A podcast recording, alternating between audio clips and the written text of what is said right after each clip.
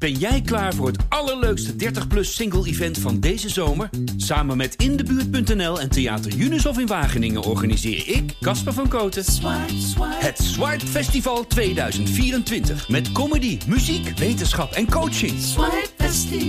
Maar vooral heel veel leuke mensen. Bestel nu je kaart op swipefestival.nl. Swipe, swipe.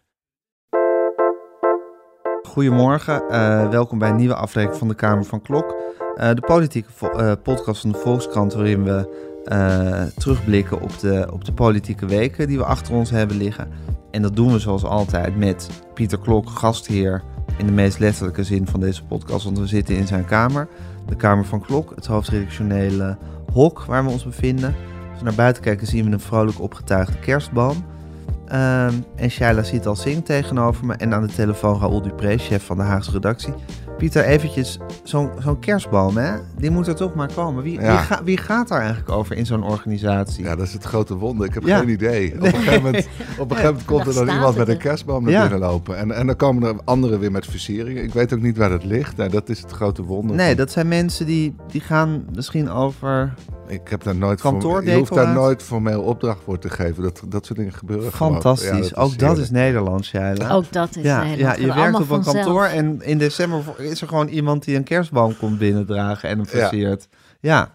ja, het is toch kaal als het niet gebeurt, hè? Ja, ik vind het heerlijk dat Ja, hij er staat. ja. Ja. Hou je van Een heel kerst? ander gevoel. Ik hou wel erg van kerst, ja. Jij, Shaila? Ik hou ook heel erg van kerst. Ik zou willen dat, er, dat het iets lichter was, iets meer licht. Iets Ja, wij hebben licht. allebei problemen met, eh, met, met de duisternis van de wintermaanden. Ik, ik kom december altijd met grote moeite door. Maar Dat be- ik- vanaf bij- de bij- bij mij be- 21ste dan gaan de dagen weer lengen. Daar Dat hou je dan aan Een vast. soort ankerpunt van Oh mij. ja, bij mij begint, komt de mokerslag altijd in januari, februari zo'n beetje. Als je Maar echt dan is er meer licht. Ja. Oh, Oké, dan voel je dat al. Ja. Ja, voor mij dan nog niet genoeg. En dan is alle gezelligheid is dan ook eruit geramd weer. Want het is- heeft, heeft, heeft zich dan gekeerd in iets terug. Maar goed, daar gaan we het verder niet over hebben. En Raoul, hou jij van kerst? Ik heb gisteren de kerstboom op de politieke redactie opgetuigd. Dus op de politieke redactie ga jij daar gewoon Dan moet de over, chef over dat de gewoon zelf doen. Ik dat vind, deed ik Ja. vind dat Pieter dat volgend Ja. jaar hier ook zelf moet En wat voor, wat voor een boom heb je dit jaar gekozen, nee, nee, dit is een, eh, dat is een, een, een kunstboom die eh, de rest van het jaar in een, eh, in een, ehm, in een muurkast verborgen staat. Oh, en die hoef ik alleen maar even uit te klappen. die haal je elk jaar tevoren, die klap je uit. En dan hang je er En ballen dan in. hangen we er gezamenlijk ballen in en wat slingers. En dan zijn we Gezamenlijk tevreden. ook. Oh, wat lief, wat leuk. Nou, hartverwarmend, een hartverwarmend begin van deze Kamer van Klok. We gaan het zo meteen hebben over, eh, over de, de situatie in Europa. Europa en dan vooral eh, in relatie tot Viktor Orban, eh, president van Hongarije. En ook eh, alle dingen rond, het- rond, rond Schengen en wie erin mag en wie niet. We gaan het hebben over de slavernij-excuses. Raoul zei net vlak voor de opname al dat hij daar helemaal in verstrikt is. De excuses rond de slavernij. En we beginnen even met eh, Mariette Hamer. Die eindelijk ja, is begonnen met papieren afscheiden over... Ja, als... Wat is ze ook weer? Commissaris... Hoe, he- hoe heet haar functie ook alweer? Regeringscommissaris voor Overschrijdend grensoverschrijdend gedrag. gedrag. Seksueel grensoverschrijdend Ja, gedrag. Ja. Specifiek seksueel. Ja. Dat staat wel in haar titel. Ja. Oké, dus Matthijs van Nieuwkerk valt niet onder Mariette Mm. Hamer. Nee, maar daar heeft ze zich wel ook over uitgelaten, omdat de patronen wel vergelijkbaar zijn. Ja, precies. Van iemand, maar feitelijk gezien gaat het over seksueel grensoverschrijdend gedrag. Het zijn geloof ik vijf, vier of vijf pagina's die ze nu heeft geschreven, Pieter. Heb jij ze gelezen? Zeker. Ja? Nou, er zitten ook heel veel plaatjes bij. Oké. Dat we precies weten wa- wat, wat we onder seksueel grensoverschrijdend Ja. gedrag moeten ervaren. Dus je ziet dan plaatjes van mensen die een hand op een bil leggen en zo. Dat Ja, wordt echt grafisch uitgebeeld. Ja, het is een hele droge inventarisatie van wat weten we over seksueel eh grensoverschrijdend gedrag. Ja. Dat is op zich nuttig, maar ik had eigenlijk op veel meer eh, eh, gehoopt en gerekend.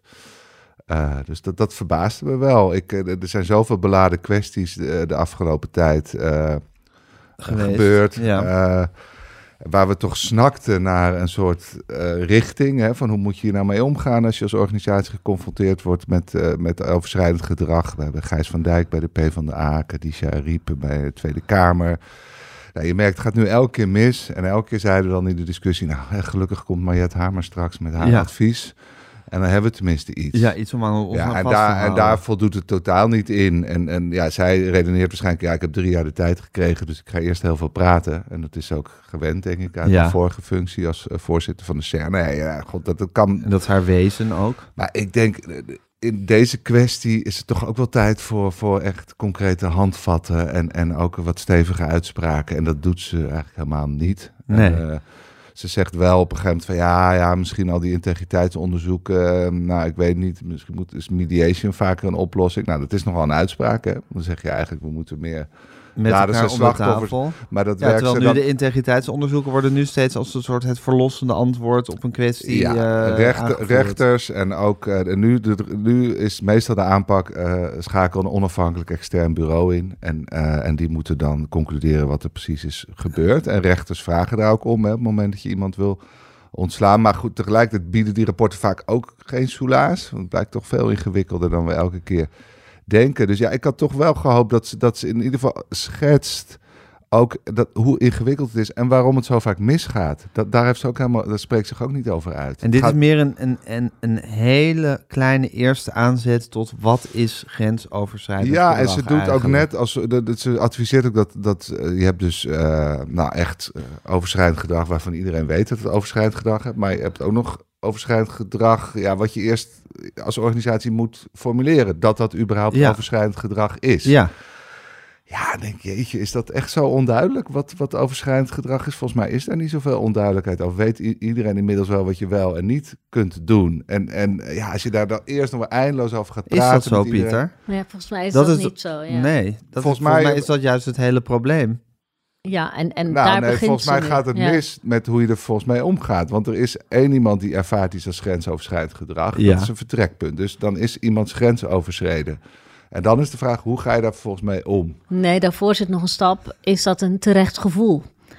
Ehm, hè, is dat nou... ja, dat eh, vind ik een hele moeilijke eh, vraag. Ja, maar nou dat, ja, maar dat is, dat is dat grijze gebied waar zij nu heel voorzichtig stapje voor stapje precies. Zijn we hier in probeert te opereren. Zijn we hier met Dus z'n ik, allen ik ben niet zo negatief over wat ze heeft afgelegd. Zijn we hier met z'n allen onder grote druk een krant aan het maken? Of zijn we hier mensen hun, hun grenzen aan het overschrijden? Maar Ja. kijk, waar het om gaat is als iemand zegt: Ik vind het grensoverschrijdend, dan, dan kun je zeggen: "Wa- Dat is niet grensoverschrijdend. Maar dan help je de discussie niet verder. Je moet dan juist zeggen: Oké, jij vindt het grensoverschrijdend. Dan hebben we hier een procedure, of dan gaan we er zo mee om. Dan ga je, kan je met die praten.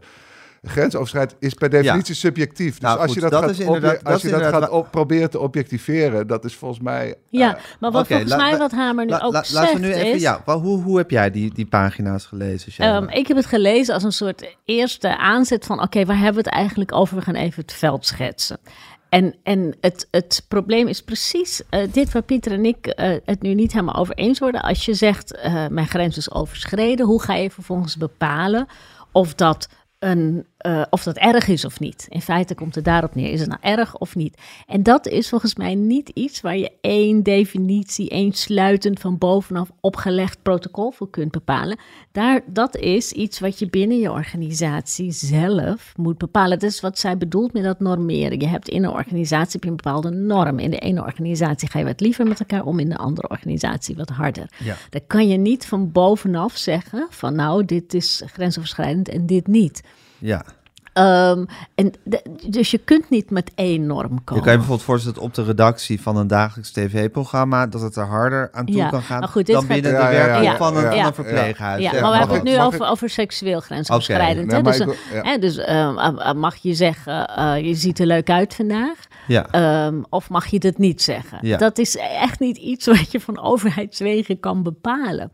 Dat moet, dat, er zijn organisaties waar dat kan en er zijn organisaties waar dat niet kan. En dat is wat ze bedoelt met die normen. Ja, maar dat ben heeft ik dus- echt met cultuur Nee, ja, te maar we praten over verschillende dingen. Ja. Het gaat niet om dat je een norm oplegt van wat wel en niet mag als overheid. Juist niet. Maar volgens Ja. mij moet je erkennen dat er geen norm mogelijk is. Dus Ja. als je dat erkent, dan moet je dus, eh, dan moet je dus eerder het zoeken in, in een methodiek. Dus op het moment dat iemand wel zegt, ik vind het grensoverschrijdend. Ja, jij wil een je- procedure, jij wil een, Nou ja, een, dan- een een advies voor een procedure. Nee, maar dan, ja, Wat, wat moet je doen? Hè? Je hebt, eh, nou, dan zeg je, ja, sorry, jij vindt het grensoverschrijdend, maar binnen deze organisatie hebben we nu eenmaal een harde cultuur. Dus eh, ja, sorry, dan moet je maar ergens anders gaan werken. Is dat dan de reactie hè, als je die norm hebt gesteld? Ja, ik zou zeggen dat je een iets slimmere procedure moet uh, optuigen. Maar daar gaat het uiteindelijk om. Hoe ga je ermee om als iemand zegt... Uh, ik vind het heel vervelend. Wat, ja. wat, hier gebeurt, of dat nou bij een vergadering is. Ik vind het gewoon vervelend. En, en zeg je dan van, oh ja, maar wacht, we hebben net een discussie gehad over onze normen. En daar hebben we toch afgesproken dat je hier tegen moet kunnen. Ja, ik denk dat dat niet de weg voorwaarts is. Volgens mij moet je dan op zo'n moment zeggen: Oké, deze persoon vindt het vervelend. En dan moet er toch ja, iets van een procedure. Waar, waar kun je terecht? Uh, uh, waar kun je verhaal Oké, dus iemand voelt dat zijn of haar grens overschreden is. Of, of uh, directeur X dat nou terecht vindt of onterecht. Dat maakt eigenlijk niet uit. Hij of zij voelt dat zijn grens of haar grens overschreden is. En dan moet, je, dan moet er volgens, vervolgens een soort manier zijn om daar melding van te maken. En dat moet serieus genomen worden. En dan is er toch iemand die moet bepalen van, nou, dit is, dit is een beetje kleinzielig. Als ik bij mijn eigen ervaring kijk, als ik wel eens ook iets hier aan de orde wordt gesteld, dan ben ik ook snel. Nou, is hier een beroemde affaire aan de orde. Ja, maar dan ben ik snel geneigd te denken: is dit goed of is dit fout wat hier is gebeurd? En, en dat blijkt toch niet de beste reflex te zijn de beste reflex is. Laat ik, even, goed gaan, laat ik even goed gaan luisteren. Ja, Raoul. Ja, nou ja, en dat, uh, waar organisaties ook wel behoefte aan hebben. Ik bedoel, hoe ga je daar dan vervolgens mee om? Mag je dat zelf gaan onderzoeken? Moet je dat op afstand zetten? Moet je daar mensen voor in dienst te hebben, hebben mensen voor aanwijzen die dan met zo'n klacht omgaan? Al die dingen. Heel, maar jij wilt het heel concreet hebben, Pieter. Um, nou, ik vind gewoon dat je moet weten als organisatie op het moment dat iemand zich beklaagt over grensoverschrijdend gedrag, wat moet je dan doen? Ja, ja nou, maar Raoul was aan het praten. Ja. Nou, nee, over Hamer. Uh, want uh, wij hebben zelf de verwachtingen misschien ook wat te hoog opgeklopt door bij elke affaire te zeggen, ja, maar Mariette Hamer komt met een advies. Ja.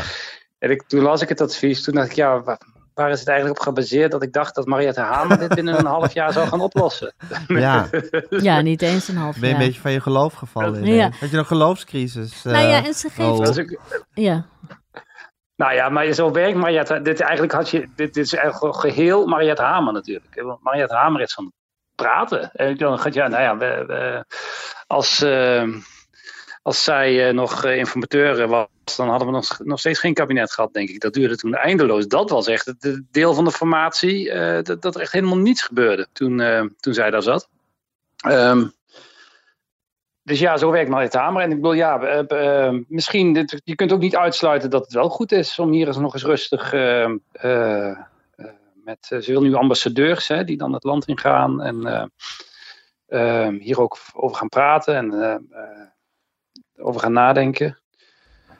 Uh, ja, komt willen... tijd, komt raad. Dat is toch een beetje het adagium van Mariette Hamer. Nou ja, kijk, je bent hier bezig. Het is een cultuurverandering. Het is niet iets wat je in regels kunt vatten. Het is ook een cultuurverandering. ook gewoon opvatting die bij allerlei leidinggevende post moet vatten. En gewoon bij iedereen. Van er zijn uh, manieren van met elkaar omgaan. En dat, daar zitten dingen tussen. Dat is niet in de haak. Um, in die zin lijkt het een beetje op, op Zwarte Piet of zo. Je moet, je moet het tussen de oren van de mensen krijgen. En dan, dan, dan moet je lang gaan praten en dan moet je inderdaad ja, met ambassadeurs. Maar Pieter, maar Pieter, en wat ik, ja, nou, één ding wat ik heel interessant vind, waar zij vanaf het begin af aan op heeft gehamerd, is um, de, het belang van de omstanders. Kijk, je, hebt, je hebt altijd een kwestie die gebeurt tussen een paar mensen en de rest heeft daar niks mee te maken. Maar weet wel dat het aan de hand is. Dat hoor je altijd in alle organisaties. Oh ja, maar dat wisten we al lang. Dat uh, die altijd met zijn handjes aan de mensen zat. Oh ja, maar dat was wel bekend dat die dat deed. En waar het om gaat is om dat patroon, dat systeem te doorbreken. Van ja, iedereen wist ervan, maar niemand zei er wat van. Omdat het hun niet aanging of omdat het hun niet overkwam. Of omdat zij aan de buitenkant van, hè, de omstanders. En als je die allemaal ja, betrekt, medeplichtig maakt, dan uh, kun je een systeem van binnenuit veranderen. Dit is een systeem wat je van binnenuit moet veranderen. Dat is snap niet ik, wat je oplost met een protocol. Onder, nee, maar ondertussen heb ik ook gevoel voor Pieter, want die moet deze krant toch uh, runnen. Ja. En, er is hier en natuurlijk, als er een klacht binnenkomt, moet hij weten wat hij moet doen. Nou, dat is hier ook een heel met mensen aan universiteiten praten. Ja. Die, die, die, die, hebben nog veel meer last van dan wij. Hè. Er wordt continu grensoverschrijdend gedrag geconstateerd. Die zitten nu met de handen in het haar. En dan soms denken ze, ja, maar die hoogleraar heeft zich zo misdragen, die gaan we ontslaan. Komen ze bij de rechter, die zeggen, er is geen enkele juridische basis. Ja, nou, er is nu geen enkele juridische basis om grensoverschrijdend gedrag goed aan te pakken. Nou, dat kun je als Mariette Hamer ook constateren. Ik denk, ik, ik denk ook dat het een cultuurverandering is, waar je heel veel over moet praten. Maar je krijgt een cultuurverandering alleen als er ook een soort wettelijk kader is. Of dat nou een protocol is. Maar je moet hier ook, je moet als regeringscommissaris ook constateren dat, dat, dat, dat nu, we hebben geen instrument om dit goed aan te pakken. Nee. Dus wat krijg je dan? Het ene ongeluk na het andere. Er is nog geen affaire goed afgelopen. Slagvelden, veel slachtoffers. Ja. Eh, of ze nou waar Riep iedereen de verliezer is. Eh, het is gewoon, het is best wel erg wat er gebeurt op heel veel terreinen. Hè. Laatst hadden we weer een, een hoogleraar in Amsterdam, eh, die werd ontslagen. En, en de zei de rechter ook weer dat het volkomen ten onrechte was. We zitten... eh, eh, en, en dan zijn ze bij de universiteit weer boos, want dan zijn die slachtoffers weer boos, omdat eigenlijk wordt gezegd dat wat hen is aangedaan, eh, dat dat, dat Ja, niet erg dat is. helemaal niet gezegd wordt. Dus Alleen het is gewoon, is elke affaire is nu een, een slagveld. En Ja. ik had verwacht dat Mariette Hamer dat in ieder geval had onderkend. En dat daar wel met enige spoed, want als dit nog drie jaar doorgaat, krijgen we nog heel veel van dit soort affaires. Met nog heel veel slachtoffers. Dat ze daar geen urgentie heeft gevoeld. Dat vind ik haar wel kwalijk. nemen. En dan kan ze zeggen van, luister, ik ben daarvoor niet op aarde. Ik ben vooral voor de dialoog. Maar ze moet wel constateren dat daar ook een eh, werk te doen is. Ja, En, en er moet niet alleen gepraat worden. ja, je praat nu ook een beetje namens alle werkgevers of leidinggevenden, laat ik het zo zeggen, in Nederland, die dit soort Nou, affaires ook op hun al krijgen. die affaires die we langs zien komen Ja. met, met dat enorme eh, ja, eh, leed en ellende voor alle betrokkenen. Ja. Dat, daar praat ik namens. En dat vind ik, dat vind ik heel ernstig, dat het keer op keer fout gaat en, en keer op keer tot heel veel onvrede leidt. Ja, Eh, want eigenlijk zijn dat dus twee verschillende dingen, Shaila. Aan de ene kant is het dus inderdaad een, cult, een, een soort, soort, soort eh, mindset die moet veranderen, waarin je zegt van niet alles hoeft meer gepikt te worden. Het is niet zo dat de baas of, een, of iemand die, die hiërarchisch gezien boven je staat of onder je, maar toevallig een nogal intimiderende werk heeft, zich zomaar van alles moet kunnen permitteren. Daar moet je tegen iets over kunnen zeggen. Nou, dat is een soort verandering die tussen de oren moet plaatsvinden. Maar er is inderdaad, vervolgens krijg je natuurlijk inderdaad dit soort affaires die opgelost moeten worden. En dan is het natuurlijk wel handig als er een beetje een concreet plan voor is hoe dat moet gebeuren. Ja, dat, Toch? kun je- Maar dat zijn ja, dus eigenlijk twee verschillende dat zijn dingen. twee verschillende Ja. dingen en twee verschillende trajecten. Ja, En eh, ho- hoe je iets oplost, nou ja, dat, daar heeft ze inderdaad nog niet heel veel eh, uitspraken over gedaan. Eh, wa- wat je zou kunnen doen is kijken van waar is het wel goed gegaan. Er zijn natuurlijk, we, we zien in het nieuws natuurlijk alleen de dingen die verkeerd zijn gegaan. Het, ongetwijfeld, want dit komt op een hele grote schaal voor, ongetwijfeld zijn er plekken waar het wel goed is gegaan. Het zou heel fijn zijn als je daar een overzichtje van zou hebben. Van oké, Ja. wat werkt kennelijk wel in de praktijk? Waarvan Ja. weten we dat het werkt in de praktijk? Dat zou heel fijn zijn als je dat soort dingen gaat inventariseren. En dan heb je een, een soort leidraadje. En je, je kunt natuurlijk per organisatie je eigen procedure inrichten. Je hoeft niet een soort mal op te leggen. Maar als je weet van, oh, maar dat heeft daar gewerkt of dat heeft daar gewerkt. Daar heb je wat aan. Dan heb je wat concreet. Want Pieter is op zoek naar concrete handvatten voor als er iets gebeurt in zijn bedrijf.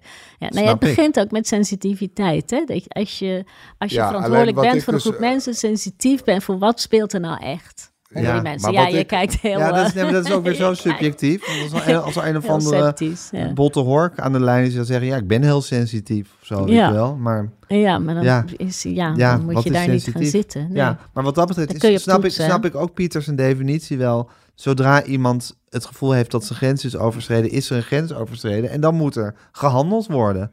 En dan kan er uiteindelijk het ene geconcludeerd worden of het andere. Nou ja, kijk, ik ben ook geen fan van protocollen hè, en, en strakke normen. Alleen ik constateer nu dat elke affaire Ja, tot een soort clusterfuck Ja. leidt. En, en, en dat probleem moet ook deze regeringscommissaris hard opschrijven. Dat moet Ja. ze constateren. Ze moet niet, wat ze nu eigenlijk doet, is dat ze eerst nog eens even wil hebben over wat gebeurt er zoal en wat vinden we ongewenst. Terwijl ik denk de maatschappelijke discussie is inmiddels al veel verder. Al Bij, bij heel veel organisaties die constateren dat iets ongewenst is en willen dan ingrijpen, maar worden door de rechter teruggefloten. Of, of, ja. eh, maar misschien is het ook haar, da- daar- haar methode om eerst, zal maar zeggen, een beetje de vurigheid uit de discussie te nou, halen. oké, dat zou kunnen. Eerst gewoon een beetje smeren, kalmeren, een beetje definiëren waar we het eigenlijk over hebben.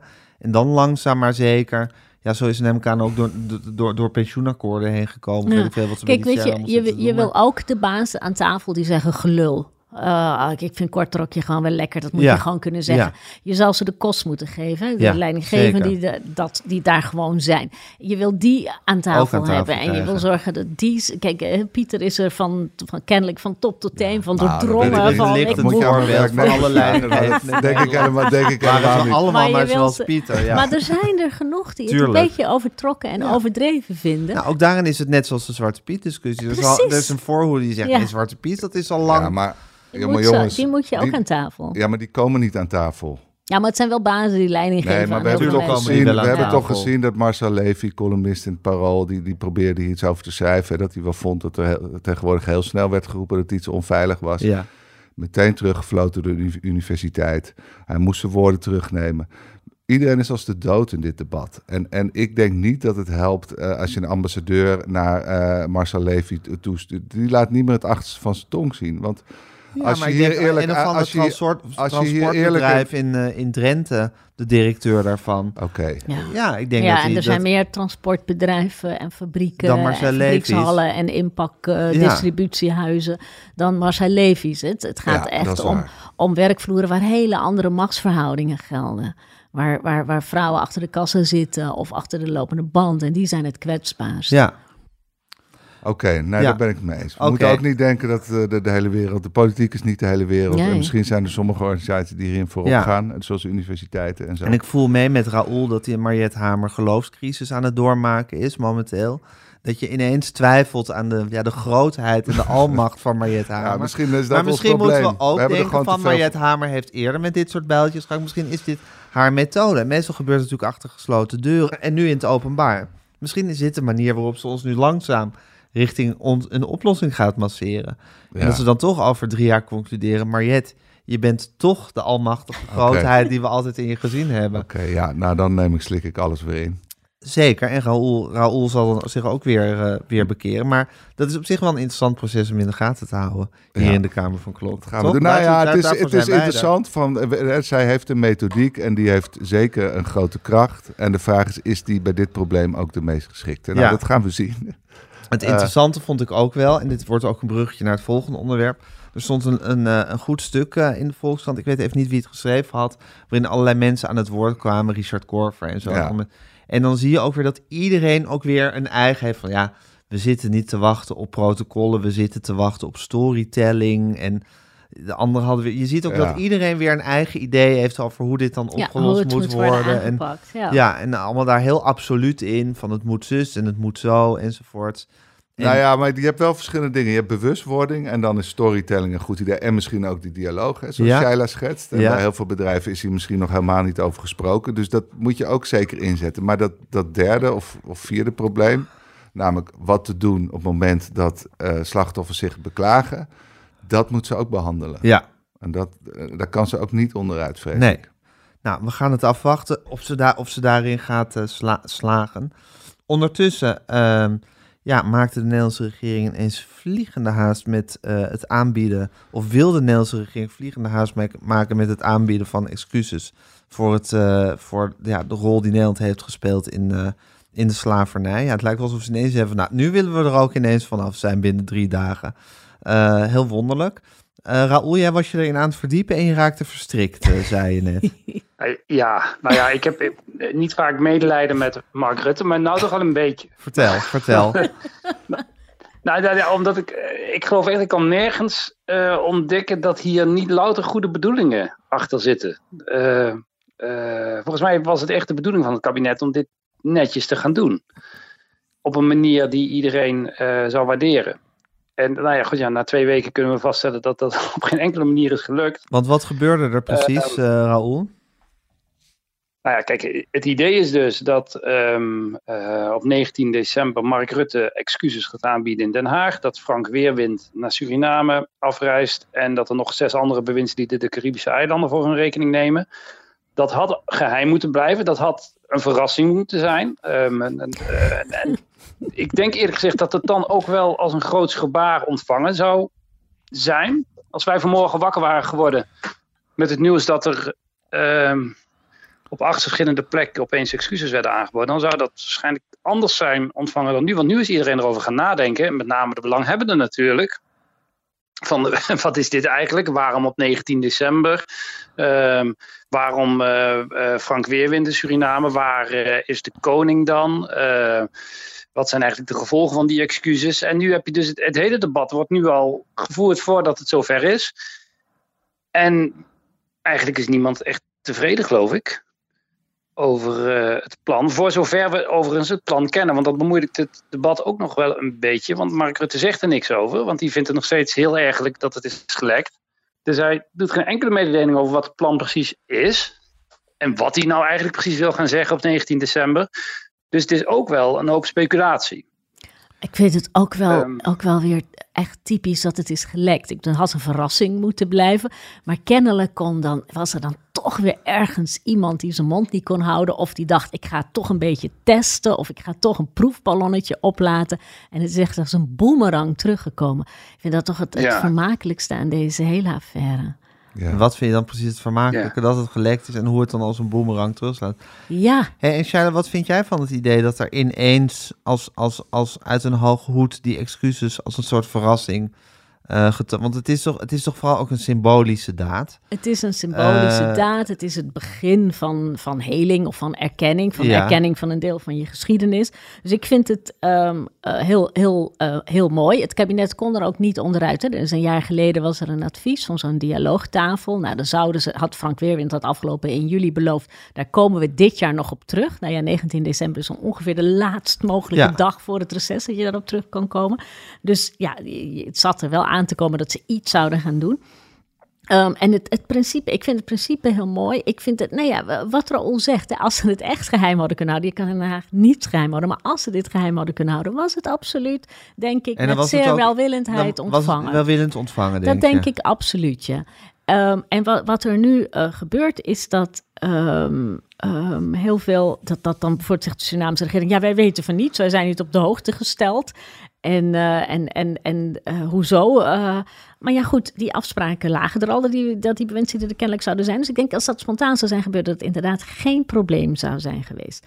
Nu is het wel een probleem. En waarom is het een probleem? Er blijken ongelooflijk veel organisaties te zijn die zich op een of andere manier dat eh, Ja. een deel van dat leed, ehm, nou ja, eh, dat, dat willen representeren. Ja. Er waren er vanmorgen weer vier op de radio, die willen nu een kort geding aanspannen. Ehm, dat overwegen ze trouwens, dus ze moeten nog maar zien. Ik overweeg ook wel eens wat. En eh, om, om, om die 19 december ehm, eh, uit te laten stellen. Volslagen onduidelijk wie zij dan weer representeren. Ik bedoel, iedereen kan nu een organisatie oprichten met... ik ben, ik ben organisatie Verbreek de Ketenen en ik ben ook Ja. Er hebben gisteren mensen aan tafel gezeten in het Katshuis. Die zijn uitgenodigd. Dat is ook volslagen onduidelijk wat daar is besproken. Dus bedoeld om daar een beetje de gemoederen te bedaren. Ehm, maar een deel, er zijn ook mensen die waren uitgenodigd, niet zijn gegaan. Want wat ook nog speelt is dat eh, we hebben eh, niet alleen slavernij gehad in de West, maar ook in de Oost, het cultuurstelsel. Niet zo lang geleden hebben we daar in de krant een heel mooi verhaal over gehad in onze serie over de koloniale kanon. Eh, Reggie Bai was uitgenodigd. Dat is een van de leden die zit in onze expertcommissie voor die koloniale kanon. eh, eh, specialist geschiedenis de Oost. Die zegt: Ik ben niet gegaan, want het gaat helemaal niet over excuses voor, voor het Oost. Het gaat alleen nog maar over die, die transatlantische slavernij. Dus Ja. daar is woede over. Er is irritatie dat de Surinamers een grote mond hebben en de Antillianen er een beetje achteraan hobbelen. Want hoezo moet de koning naar Paramaribo? De koning moet gewoon naar Willemstad, hallo. Ja. Dus, dat is, dus het, is, het is een beetje aan het ontploffen. Ja, en je denkt dat als, als, als er gewoon out of the blue ineens die excuses er waren geweest, dan hadden al die organisaties, al die Dan hadden ze niet de kans gehad. hadden niet de kans gehad om, om, om daar om ingewikkeld te over te doen. Nee, de, de Nederlandse bank heeft bijvoorbeeld excuses aangeboden afgelopen 1 juli. Dat was allemaal niet met heel veel tamtam aangekondigd. Ze hadden dat onderzoek laten doen. En toen heeft Klaas Knotta daar gedaan. Dat was prachtig. Hoor je niemand meer over. Ja, aan de kant zijn dit toch de excuses waar iedereen al heel lang op zit te wachten. Zeker, Toch? maar je kunt het, je kunt het natuurlijk op zo'n iemand- manier doen dat, ehm, dat, dat, dat, dat, dat de ontvanger denkt, oh wat fijn. Ja, want ik hoorde ook iemand op de radio zeggen, volgens mij van Katie Kotti tafels, van ja, excuses, dat is iets wat je in gezamenlijkheid voorbereidt en wat je niet zomaar in je eentje kan gaan zitten maken. Toen dacht ik, nou, excuses lijkt me bij uitstek iets wat je wel gewoon in je eentje Dat lijkt me maakt. ook, Het is nog wel eenzijdig iets wat je doet. Excuses. Zeker. Ja, maar die kunnen En dus dan, wel het, of en, dan niet- was het, die en dan, kunnen- was, dan hoorde ik iemand anders weer zeggen dat ze niet wilden dat Frank Weerwind zich excuses ging aanbieden, want dat was een gekleurde man. Dus er moest dan een, een, een wit iemand moest excuses gaan, gaan aanbieden. Eh, ik hoorde weer een ander iemand Ja, zeggen dat vooral de dus vrouwelijke ministers heel goed waren in eh, eh, empathisch zijn en begrijpen wat er nou toch Ja, allemaal maar dat, dan ga je echt volslagen voorbij aan wat de symbolische betekenis is van deze excuses. Het zijn namelijk niet de personen die die excuses maken. Nee, het is het is niet het Weerwind of de vrouw. Precies. Je doet het namens Ja. de, de rechtsopvolger van de, de, de Ja. staat die op dat moment verantwoordelijk was voor het instellen van de slavernij. Dus je doet het in functie, je doet het namens een instituut. Dus het gaat het er niet om of, of, het, een, of het iemand is die eh, Surinaamse roots heeft, of die een vrouw is, of die weet ik veel wat is.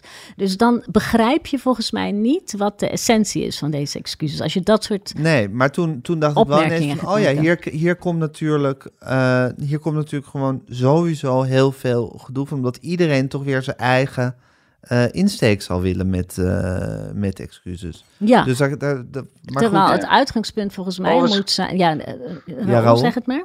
Nee, nou, met die keuze van Frank Weerwind. Ik kan me op zich nog eh, voorstellen dat die niet door iedereen geapprecieerd wordt in Suriname. Kijk, we moeten dan, dat- dat- dat- dat- als je het probeert zeggen, even te vertalen naar Nederlandse begrip. Ik geloof dat Helmut Kool in, ergens in de jaren tachtig toch officieel excuses is komen aanbieden voor de, de Tweede Wereldoorlog. Mhm. Mhm. Ehm, stel dat de Duitsers op dat moment toevallig een, een, een, een tot Nederlander eh, of tot Duitser genaturaliseerde minister hadden gehad en die was het komen doen, dan zou het wel minder indruk hebben gemaakt, denk ik. Ehm, dus daar kan ik nog op, op zich, dit- ja, dat ook vanuit de beste bedoeling, want ik, het kabinet, alles wat ik daarover hoor, is dat ze juist dachten, ja, we willen juist ook laten zien, weet je wel, dat, dat we hier voorbij zijn. Dat nu een nazaat van een tot slaaf gemaakte in Nederland gewoon een belangrijke minister is. Ja, Ja, En dus namens de, namens de Nederlandse staat dit gebaar kan maken. Daar kan je ook de schoonheid van proberen in te zien. Maar goed, dat, dat lukt niet iedereen. Ehm, en Weerwind zelf vond het kennelijk ook een goed idee. ja. Ja, ja dus, maar ik, de gevoeligheid snap ik op zich nog wel. Dat, nou ja, dan de, de andere bezwaar is natuurlijk waarom niet de koning? Want die is toch eh, namens ons allen de belangrijkste vertegenwoordiger van de Nederlandse staat. Ehm, daar zit achter, voor zover ik kan nagaan, dat er komt echt een rol voor de koning, maar die hadden ze bedacht in juli. Rond eh, de, eh, op 1 juli is het echt 150 jaar geleden. Dat moet een grootste viering worden. Dat Dus, is hè, dat, dat is echt herdenking. Van, ja, dan, ehm, eh, en daar zou dan de koning heel goed in hebben gepast als ehm, eh, nou ja, het symbool boven ons gesteld Ja. van de, die de viering meedoet. En die zou dan ongetwijfeld ehm, de boodschap nog een keer hebben herhaald. Ehm, dus er was denk ik wel over nagedacht. Er was natuurlijk ook, gewoon- er lag inderdaad, wat jij net zei, gewoon een advies hè, om, het, om het te gaan doen en zo. Dus het is ook niet zo dat het kabinet dit helemaal zelf even heeft bedacht of zo. Nee, er is een lange Maar, dialoogtafel eh, ja. aan vooraf gegaan hoor. Met En een dik rapport en een advies. dialoogtafels volgen, Ja. gok ik. Pieter. En het, Nou, het, het, oh, het ja? tweede kabinet, nou één ding nog, eh, het, Ja? eh, dat is volgens mij ook iedereen vergeten. Het tweede kabinet Kok, dat is dus alweer meer dan twintig jaar geleden, heeft al diepe spijt en berouw getoond voor de slavernij. Dus toen is het ge- gebaar eigenlijk ook al gemaakt. Alleen dan heb je altijd eh, dat, dus diepe spijt en berouw zijn nog geen excuses. Nou ja, dat komt dan nu. Ehm, maar het is niet zo dat dit als een donderslag bij helder hemel komt natuurlijk. Nee. Pieter? Nou ja, in het licht van de vorige discussie. Ik dacht, wat, wat, wat zou er gebeuren als Barack Obama excuses voor de slavernij had aangeboden in Amerika bijvoorbeeld? Dat is gevoelsmatig toch wel ingewikkeld, want het is ook symboliek. En dus ik, ik begrijp best eh, dat je, als je daar wat langer over nadenkt, ja, het, het is misschien toch ook een raar gebaar. Maar je kunt tegelijkertijd als een heel mooi gebaar interpreteren. Dat ben ik wel met Nou, ik ben eh, het wel met Shaila eens. Dat je, toch, je bent in functie Ja, en je je, bent biedt excuses functie, aan ja. namens het Ja, instituut. goed, maar het Ja. is ook een symbolische daad. Dus dan kun je. Ja, dit is wel een beetje raar. Maar Maar goed. ik vind eh, Barack Obama eigenlijk een heel goed voorbeeld. Want wie had het dan moeten doen? In, in zijn tijd Joe Biden of zo. Dus dan moet je iemand lager... Of bedoel, dat, ja, dat moet de president... Maar goed, het is nou ja, eh, theoretisch Maar, eh, dus goed. er is hier een formele kant en ook een gevoelsmatige kant. Ik, Ja. ik heb hier, de- uiteindelijk gaat het erom om degene aan wie de excuses worden aangeboden, wat die ervan vinden. Dus eh, ik moet hier helemaal geen mening over hebben. Want excuses moeten natuurlijk geaccepteerd worden. Hè. Je biedt ze aan, maar dan Ja, kan precies. de tegenpartij zeggen, ik accepteer ze niet. Dus nu, dit zou je kunnen zien als een soort onderhandeling vooraf. Normaal bied je gewoon excuses aan. Ja, En dan, gaan, dan kan het dan kan Ja, de kijk en je dan zegt ze de ander, en dan zegt Ja. de ander. Ja, en nu ga je dus goed. al vooraf- Handje nu geven, ga je met dus- oogjes. Ja, oké. Ja, ja. en nu ga je al vooraf eigenlijk een soort voorwaarden stellen van jij kan je excuus wel, al wel aanbieden, maar als je wil dat ze aanvaard worden, dan moet je dit en dit en dit en dit nog doen. Wat natuurlijk wel, ja, ik, ik, we proberen te achterhalen hoeveel landen überhaupt al excuses hebben aangeboden voor de slavernij. Daar kwamen we niet uit, want Groot-Brittannië heeft het nog niet gedaan. Volgens mij heeft misschien heeft nog geen land het gedaan. Dus we Wel weten een aantal Amerikaanse staten op staatniveau. Dus. Florida, zu- zu- zu- zuidelijke staten. En de president, de Amerikaanse president, heeft hij daar ooit... Uh, een der Amerikaanse presidenten? Uh, nee, maar volgens mij, um, omdat die um, Amerikaanse staten, die zuidelijke, ja. het was het slavernij bestond natuurlijk in het zuiden. Ja, precies. Daar is natuurlijk de hele burgeroorlog over, over gehad. Ja. Dus, dus het maar, is niet ja. de president. Maar misschien weten we dus ook niet zo goed wat het eigenlijk betekent. Want als jij excuses aanbiedt en constateert van we hebben hier echt ons schandalig misdragen, mensen uitgebuit. Eh, tot op de dag van vandaag hebben ze last van racisme. Als je dat als staat. Ja, en profiteren wij van de welvaart. Moet je dan net als, als in de toeslagenaffaire, hè, als je geconstateerd dat je de, de ja, vreselijke fout hebt gemaakt, uh, moet je dan toch niet ja. gaan betalen. En, ja. en het kabinet probeert er met 200 miljoen van af te komen. Uh, maar als je, als, als je deze discussie heel fundamenteel gaat voeren, moet ik nog zien waar je op uitkomt. Hè? Want onze energierekening wordt direct uh, ruimschoots gecompenseerd. Dus je kan op een gegeven moment ook zeggen... Oh, nee, jij wil gaan compenseren. Echt, echt nou ja, nou ja. wil dat niet. nou, ja, maar dat, ja, ja, maar dat, ja, maar dat is ook letterlijk wat er gevraagd wordt, uh, Shaila. Ja. Door, een deel, ja, door sommige organisaties. Door sommige, er zijn er, die zijn er. Niet door ja. Sommige zijn inderdaad gewoon, ik bedoel, die zeggen, ja, wat hebben wij aan excuses? Uh, uh, ja. Wij hebben al 150 jaar last van de achterstanden die door de slavernij zijn uh, ontstaan. Dus ehm, tijd voor herstelbetalingen. Ja, en de, kijk, dat is dan wel weer een taboe voor het kabinet. Want zelfs als je het een sympathiek idee vindt, als je erover gaat nadenken wat, wat dat impliceert, over hoe je moet het gaan gaan bepalen wie er dan wel of niet uh, recht heeft op, uh, op betaling. Ja, dat, dat ze daar geen zin in hebben, dat kan ik me eerlijk gezegd wel iets bij voorstellen. En dat is tegelijkertijd waarom er altijd zo terughoudend is gedaan over die excuses, denk ik. Omdat dit dan vervolgens ook wel weer de volgende stap is van ja, hoe, hoe ga je je excuses dan ook daadwerkelijk in de praktijk uh, nou ja, daar is iets op bedacht dan, hè? Dus dat er een fonds komt. Zeker, van, uh, maar er is natuurlijk nooit met, met objectief, in alle ja. objectiviteit vast te stellen wat het goede is wat je dan moet doen. Nee, maar goed, nee. Je, kan, je kan met zo'n fonds, ik kan me voorstellen dat je daar wel iets bij kan bedenken. Van nou ja, dat zijn projecten die um, ten goede moeten komen aan nazaten of mensen die op enige wijze kunnen aan uh, aantonen dat ze, dat ze last ondervinden. Uh, nou ja, dat dat projecten zijn die in ieder dat soort gemeenschappen ten goede komen. Je kan daar, je kan daar een soort en, formulering voor bedenken. Dat is niet zo ingewikkeld. En het slavernijmuseum, hè, dat gaan ze dat ook komt nog er ook. Uh, en als ik jou nou vraag, de Nederlandse regering, uh, of, of Marco, die draai is op een gegeven moment gemaakt. Zo van, wat een gezeur eigenlijk allemaal. En institutioneel racisme bestaat niet tot... Uh, het bestaat wel en het is eigenlijk ook onze taak om de, de bron van dit alles, de, de, slavernij, om daar onze excuses voor aan te bieden. Dus de intenties zijn goed. Vind je eigenlijk dat, dat, dat, dat al die belangengroepen uh, allerlei eisen daarover moeten gaan stellen? Of moeten ze eigenlijk gewoon zeggen van nou, gaan ze maar maken die excuses of aanbieden. En dan, uh, dan aanvaarden we dat, nou hoeft niet in dankbaarheid, maar dan aanvaarden we die. Of misschien als we echt geschoffeerd zijn niet. Maar is het dat dit nu een soort hele onderhandeling doet, is, wordt, is dat redelijk? Ik weet niet of redelijk het juiste woord is. Het is in elk geval heel ongemakkelijk onderhandelen over excuses. Ja, precies. Uh, want dan kunnen de excuses nooit meer oprecht nee, zijn. dan zijn het. nooit meer jouw eigen excuses, maar dan zijn het uh, door een ander geformuleerde excuses, excuses ja. van je moet het op die manier doen en je ja. moet het op deze wijze presenteren. Dus dat maakt het proces, dat bezoedelt het proces heel erg, vind ik. Ik vind het namelijk een heel uh, mooi gebaar dat je excuses maakt. Daar kun je van alles over zeggen en dat het te laat is en dat het eerder had gekund en gedoe en dat hij veel te lang heeft vastgehouden aan allerlei denkbeelden die, waarvan hij nu inmiddels zegt dat die achterhaald zijn. Allemaal tot je dienst. Het inzicht is gekomen, die excuses gaan er komen. Dat is, uh, dat is mooi. En je kunt, ik, ik, denk dat het, het zuiverste is, is dat je gewoon de excuses afwacht en dan bedenkt van, nou ja, wil ik deze accepteren ja. of niet? Ben ik er blij mee of niet? Ja. En dan kun je een reactie geven. Ja. Dat, dat is volgens mij de geëigende weg. En nu zijn we in een soort moeras verzand. Dit kan nooit meer goed aflopen. Nee.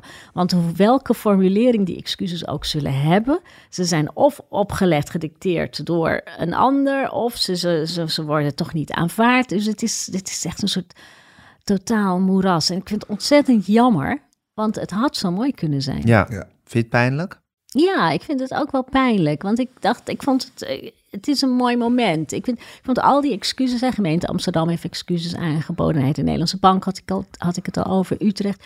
Dat zijn. Ik vond het allemaal mooie momenten. Ja. Die uh, goed, sereen waren. Mooi tot stand waren gekomen. Betekenisvol. Uh, uh, symbolisch. Nou ja, dit had ook een mooi nou, moment kunnen zijn. Ik, ik voel wel met Raoul mee. Rutte wilde, die is tot een bepaald inzicht gekomen. Hè. Raoul Ja. heeft in het verleden wel eens geschreven dat hij als historicus zat hij heel lang op het spoor. Wij moeten niet met de, de ogen van nu naar het verleden Ja. kijken. Maar die heeft echt een enorme draai gemaakt. Die zegt ook zo'n langdurig proces van we moeten deze achterstelling nu echt een keer eh, definitief. eh daar moeten we een einde aan maken. Maar ik denk wel, wat ik niet zo goed begrijp, is eh, bijna altijd ging er een onderzoek vooraf aan excuses. Of dat nou bij Srebrenica was. Hebben we heel lang moeten wachten op die excuses van het kabinet. Want er moest eerst heel goed onderzoek worden gedaan door het NIOD. En dan krijgen die, eh, dan krijgen die excuses extra inhoud en lading. Hè, er wordt geconstateerd, wordt nog eens een keer op een rij gezet wat, wat, wat de Nederlandse staat allemaal misdaan heeft in, in, in, in- op dit gebied. Ja. En dan zijn die excuses daar een bekroning van. Ik denk als Rutte toch één fout heeft gemaakt, is dat dat nu niet is gebeurd. Want er loopt nog wel een onderzoek, maar dat, dat is nog niet afgerond op 19 december. De koning heeft nu wel in alle haast een onderzoek gelast om, om het, eh, het verleden van het Koninklijk Ja. Huis te onderzoeken. Dat, en, en misschien ook omdat hij denkt van, nou kan ik, als dat afgerond is, kan ik... eh, weer na- sorry zeggen. kan ik ja. weer sorry zeggen, Ja. zoals ik ook heb gedaan ooit voor Wilhelmina eh, tijdens de oorlog. Maar dat had denk ik toch moeten gebeuren. Dat je eerst een onderzoek afwacht, onderzoek verschijnt. En dan, dat, dat is een beetje de loop der dingen. Dat was bij de Nederlandse Bank zo. Die heb je Ja, ook eerst laten Dus er is iets te haastig eh, nou ja, er, gehandeld. is, er ligt wel dat rapport. En Ah. er was die dialoogtafel. Ja. Hè? En Ja. dat is, die is vorig jaar al verschenen. En dit is eigenlijk de kabinetsreactie daarop. Op Ja. die dia- Oké. Ja. Ja. Raoul? Toch, Raoul? Ik zeg Nou, het nee, goed, precies. En, Ja. het, as- ja, ja, en het advies van de dialoogtafel was: ga nader onderzoek doen en bied vast excuses aan. Oké. Dus eigenlijk, hebben ze, eigenlijk, eigenlijk volgen ze één op één dat, dat advies van die Ja. dialoogtafel. Ehm, En wie zitten er aan die dialoogtafel allemaal? Ja, volgens mij een deel van die mensen die nu boos zijn. Ja, ik weet, weet Oké. ik niet precies. ja. Ja, Het was een eh, commissie die voor, eh, ja, voor, de namens, eh, of voor het ministerie van Binnenlandse Zaken advies heeft uitgebracht. Over hoe om te gaan met het slavernijverleden. En dat was een dik rapport. Vol met aanbevelingen, maar dit was de belangrijkste. Maar dat was in zichzelf geen onderzoek. Dat was meer een advies. Ja, een advies, maar wel ook, eh nou, nou, nou jawel, ook wel gewoon een eh, reconstructie van Nederland en de slavernij, zeg maar. Dus, eh, eh, maar goed, er, loopt in, er lopen meer onderzoeken, dus daar heb je ook wel gelijk in. Dit, het laatste wordt hier nog niet over eh, gezegd. Overigens ehm, vond die ehm, eh, commissie ja ook dat er herstelbeleid nodig was, eh, inclusief een fonds. Dus ja, ook dat hebben ze eigenlijk gewoon op die manier ingevuld. Ja. ja, ze volgen die aanbevelingen Ehm, één op één op. En daar moesten dan wel eh, de Caribische landen en Suriname zouden daarover moeten meedenken. En dat is zo'n ding wat ik eigenlijk niet precies weet, want de Surinaamse regering heeft zich volgens mij nog niet uitgelaten over dit hele circus. Nee, nee, nee. De, de ambassadeur Ehm, hier heeft alleen gezegd... ja, ik weet niks van 19 Gijs, december. je, je kijkt heel somber. Ja, ik, ik, ik vind het Ja, en de- fascinerend en hoe iets laatste- met alleen maar goede bedoelingen en eigenlijk iedereen erkent hetzelfde en iedereen is het eigenlijk met elkaar eens. En vervolgens krijgt iedereen, denk ik, de komende weken ruzie met elkaar. Want ik denk dat al die belangengroeperingen ook ruzie met elkaar gaan krijgen. Die gaan allemaal wat anders willen Ja. en niemand kan het dan heb je meer goed doen. afsplitsingen Dus in. ik, ik zat te denken, ik hoop dat er een of andere documentairemaker toevallig al bezig was met een film hierover en dit allemaal aan het vastleggen is. Want ik denk dat dat, ja, het is een, een, schit, het is een, een schitterend voorbeeld van hoe zoiets helemaal mis kan gaan, terwijl niemand eigenlijk fundamenteel iets anders wil. Het is Nee. allemaal, ja, Heel tragisch. Hoog tijd voor een regeringscommissaris. hoog tijd voor een regeringscommissaris. Een protocol. Ja, zo is het. Protocol excuses. Ja. Hoe moet je excuses aanbieden? Ja, Ja, ja. ik, eh, ik, eh, ik herken mijn nederlaag. Deze, dit debat. Het is, eh, ja, het is, het is fascinerend. Laten we, laten we even eindigen, jongens, met, eh, met Europa. Ehm, eh, er moesten landen toegelaten worden tot, eh, tot het Schengen. Wat, he- wat is Schengen? Een, een, een Ja. eh, akkoord? Het Schengen-akkoord? Ja, dus, dus de- dat, dat, dat, gaat over vrije handel en verkeer eh, binnen Europa. En dan zouden eh, Roemenië en Bulgarije moesten daartoe toegelaten worden. Zijn respectief of Nederland en Oostenrijk zij, hebben daar, hebben daar een, een veto over uitgesproken. Ja. Die willen dat niet. Ondertussen heeft Viktor Orbán, gaan we het dan zo meteen over hebben, de Hongaarse premier of president, weet ik niet. Eh, Premier. eh, premier heeft zijn eh, veto uitgesproken over hulp aan, eh, aan, aan Oekraïne. Ligt zelf inmiddels onder vuur. Maar eerst even dat Bulgarije en Roemenië Shaila, waarom, waarom heeft ne is Nederland daar uitgerekend voor gaan liggen?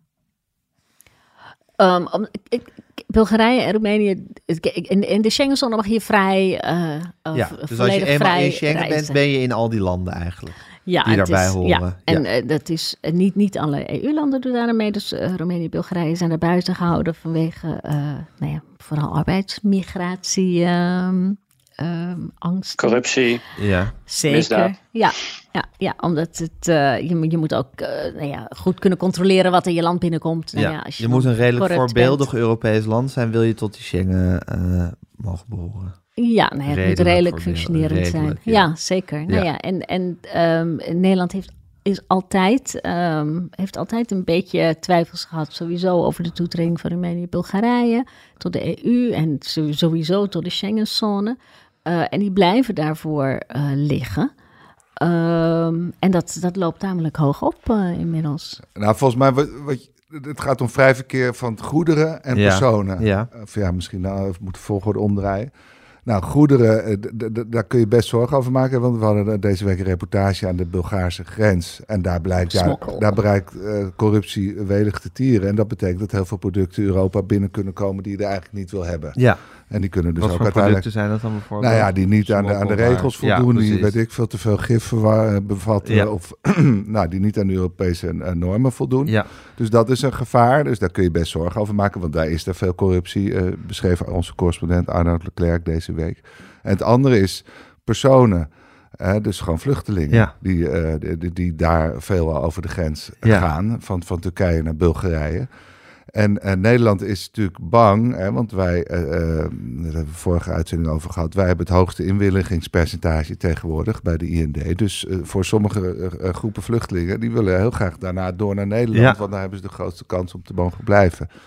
Dus, dus ik denk dat Rutte de, dit ook gebruikt om dat punt nog eens een keer te maken. Van luister, ja, jongens, wij willen al die vluchtelingen niet. Ja.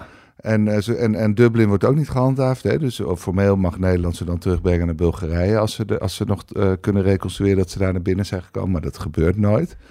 Dus Nederland wil, denk ik, dit veto ook gebruiken om die discussie binnen Europa weer nog op gang te krijgen. Te stellen, van, ja. Jongens, we, kom op met het Europese vluchtelingenbeleid. Ja. nou ja. En arbeidsmigratie. Hè? Dat is ook, in Rutte 2 was het de hele tijd code oranje en code rood, omdat er te veel Bulgaren kwamen. Dat is ook nog een, een, een kraantje waar Nederland aan wil blijven draaien. Ja, ja maar ja. dat is denk ik wel een beetje populistisch. Want nou ja. dat, daar heeft Schengen niet zoveel invloed op. Want, want als Bulgaar mag je hier gewoon werken. Ja. Volgens mij in, in hoge mate is het ook symbool, uh, uh, symboolpolitiek. Is dat zo? Uh, ja, te zien de, dat je de timing, de, ja, en de timing voor het kabinet was heel ongelukkig. Want die hadden zich net in, net in de week dat de Europese Commissie besloot um, om... Um, de, of of, of uh, mededeelde dat ze vonden dat uh, Bulgarije en Roemenië erbij moesten, um, besloot onze regeringscoalitie tot een uh, introspectie om te zien of we echt niks kunnen doen aan het asielbeleid. En of we toch niet bijvoorbeeld onze eigen grens kunnen gaan controleren. Ja, dan op dat moment beslissen om de Schengenzone uit te breiden is gewoon een signaal wat niet zo goed uitkomt nee. voor politici. Um, dus die timing die was echt heel beroerd. En dat merkte eerlijk gezegd al een beetje aan Mark Rutte, die vorige week op zijn persconferentie dan wel openhoudt dat ja, misschien komend jaar wel zover is voor, uh, uh, voor Roemenië. Dan denk ik ja, dan weet je wel, in maart hebben we verkiezingen gehad en dan kan het zeker weer wel. Ik bedoel, wat kan er in een half jaar veranderen? Dat het dan opeens wel zou kunnen. Terwijl deze procedure loopt al sinds 2011. Ja. En Nederland blokkeert dit ook al sinds 2011. Um, dus de timing was beroerd. Bovendien vinden uh, dus vrijwel alle Schengenlanden op Oostenrijk en Nederland na dat het geen enkel probleem is. Dus uh, nou ja, ik wil niet zeggen dat de meerderheid altijd per definitie gelijk heeft. Maar er zijn in elk geval toch een heleboel serieuze landen die zeggen van nou ja, uh, vooruit dan maar. Ja. ja. Maar jij zegt het is Ehm, symboolpolitiek, Shaila. Het is laten zien dat je stoer bent. Nou ja, de, de, wat zegt, als je het verbindt met dat asieldossier. En op dat asieldossier is deze week een nederlaag geleden door de uh, rechter. Die uh, heeft gezegd dat in de nieuwe um, plannen van het kabinet Mhm. om, om, om gezinshereniging tegen te houden, dat dat uh, niet kan. Ja. Wat van meet af aan al gezegd was. Dus aan de ene kant leidt het kabinet nederlagen. Dus je moet natuurlijk wel ergens laten zien dat je het wel serieus meent. En, Ja. dat, is, en dat is dit. Ja, Dat is dit. deels, Ja. ja. Ja, dit en maken ze zich daar impopulair mee in Europa? Of valt het ook allemaal wel weer mee?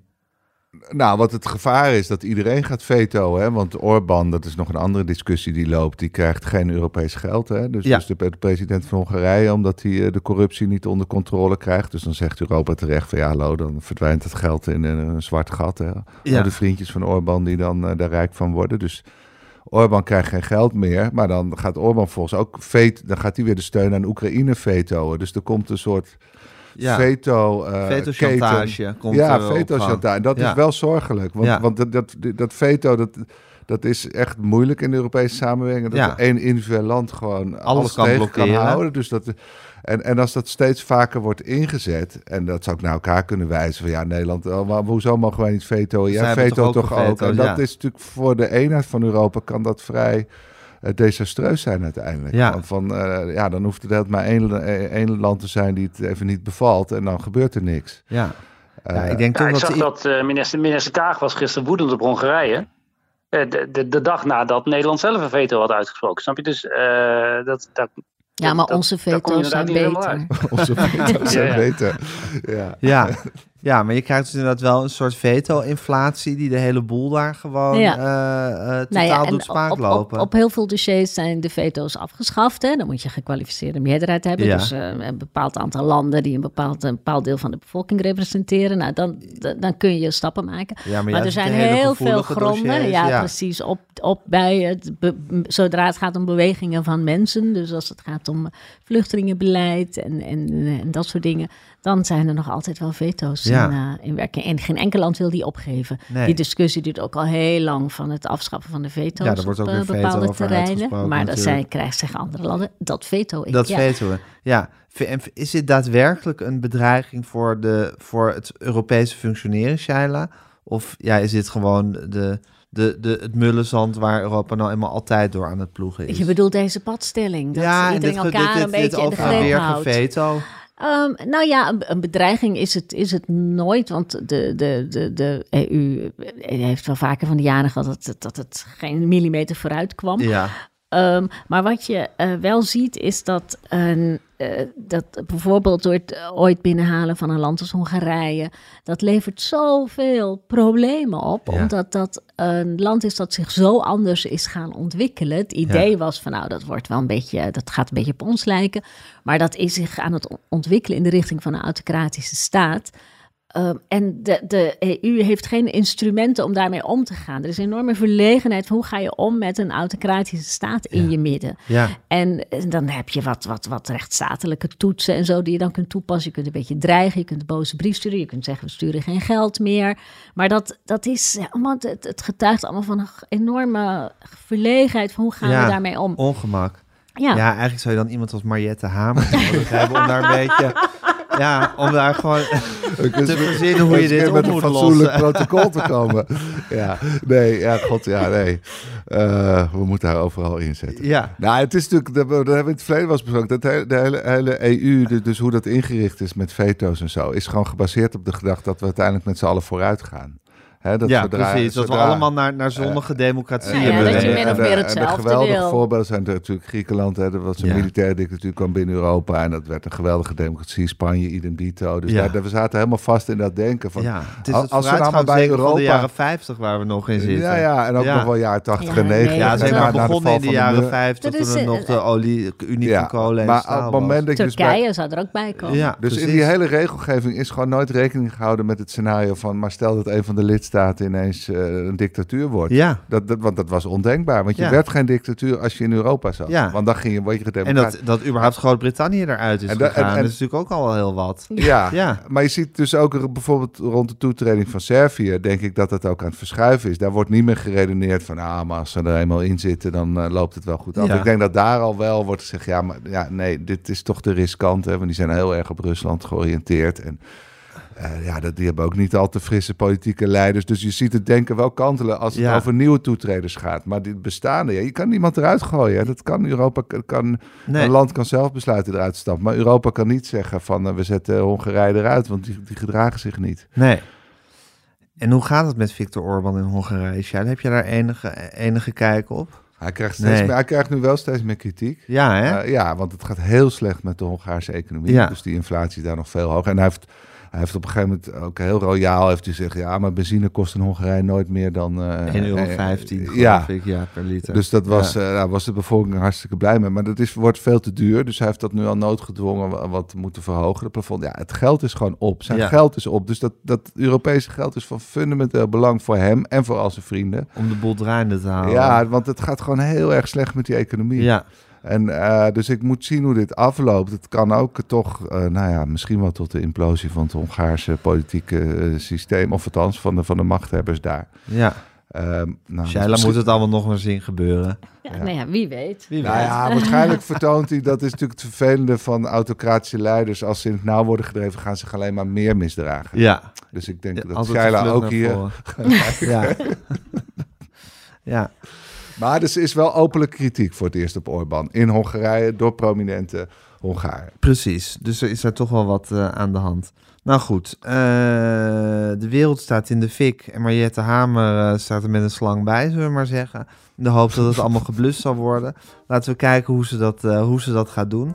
Ehm, wij, wij, wij, zitten het allemaal rustig hier vanuit onze veilige bunker, ook wel bekend als de Kamer van Klok, te beschouwen. Toch, Shaila? Ja, hier, hier zijn we veilig. Dank jullie wel, eh Shaila, Pieter en Raoul. Volgende week nou, zijn we er weer. We, we, we, we sukkelen richting het eh, kerstreces, maar volgende week zijn we er nog gewoon. En eh, dan zeg ik tegen luisteraars, luister dan weer. Luister sowieso elke dag naar Volkskrant Elke Dag, want dan ben je helemaal bijgepraat over alles wat er gebeurt in de wereld. Eh, abonneer je op deze podcast via alle, alle mogelijke manieren. Stuur ons een mailtje, podcasts.volkskrant.nl. Geef ons lekker veel sterren. En volgende week weer aan het toestel gekluisterd. Tot dan.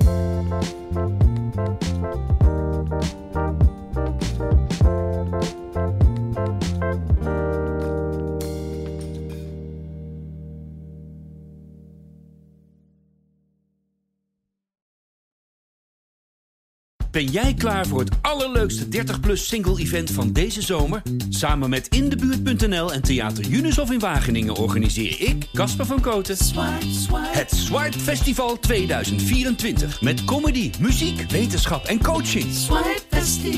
Maar vooral heel veel leuke mensen. Bestel nu je kaart op swipefestival.nl. Swipe, swipe.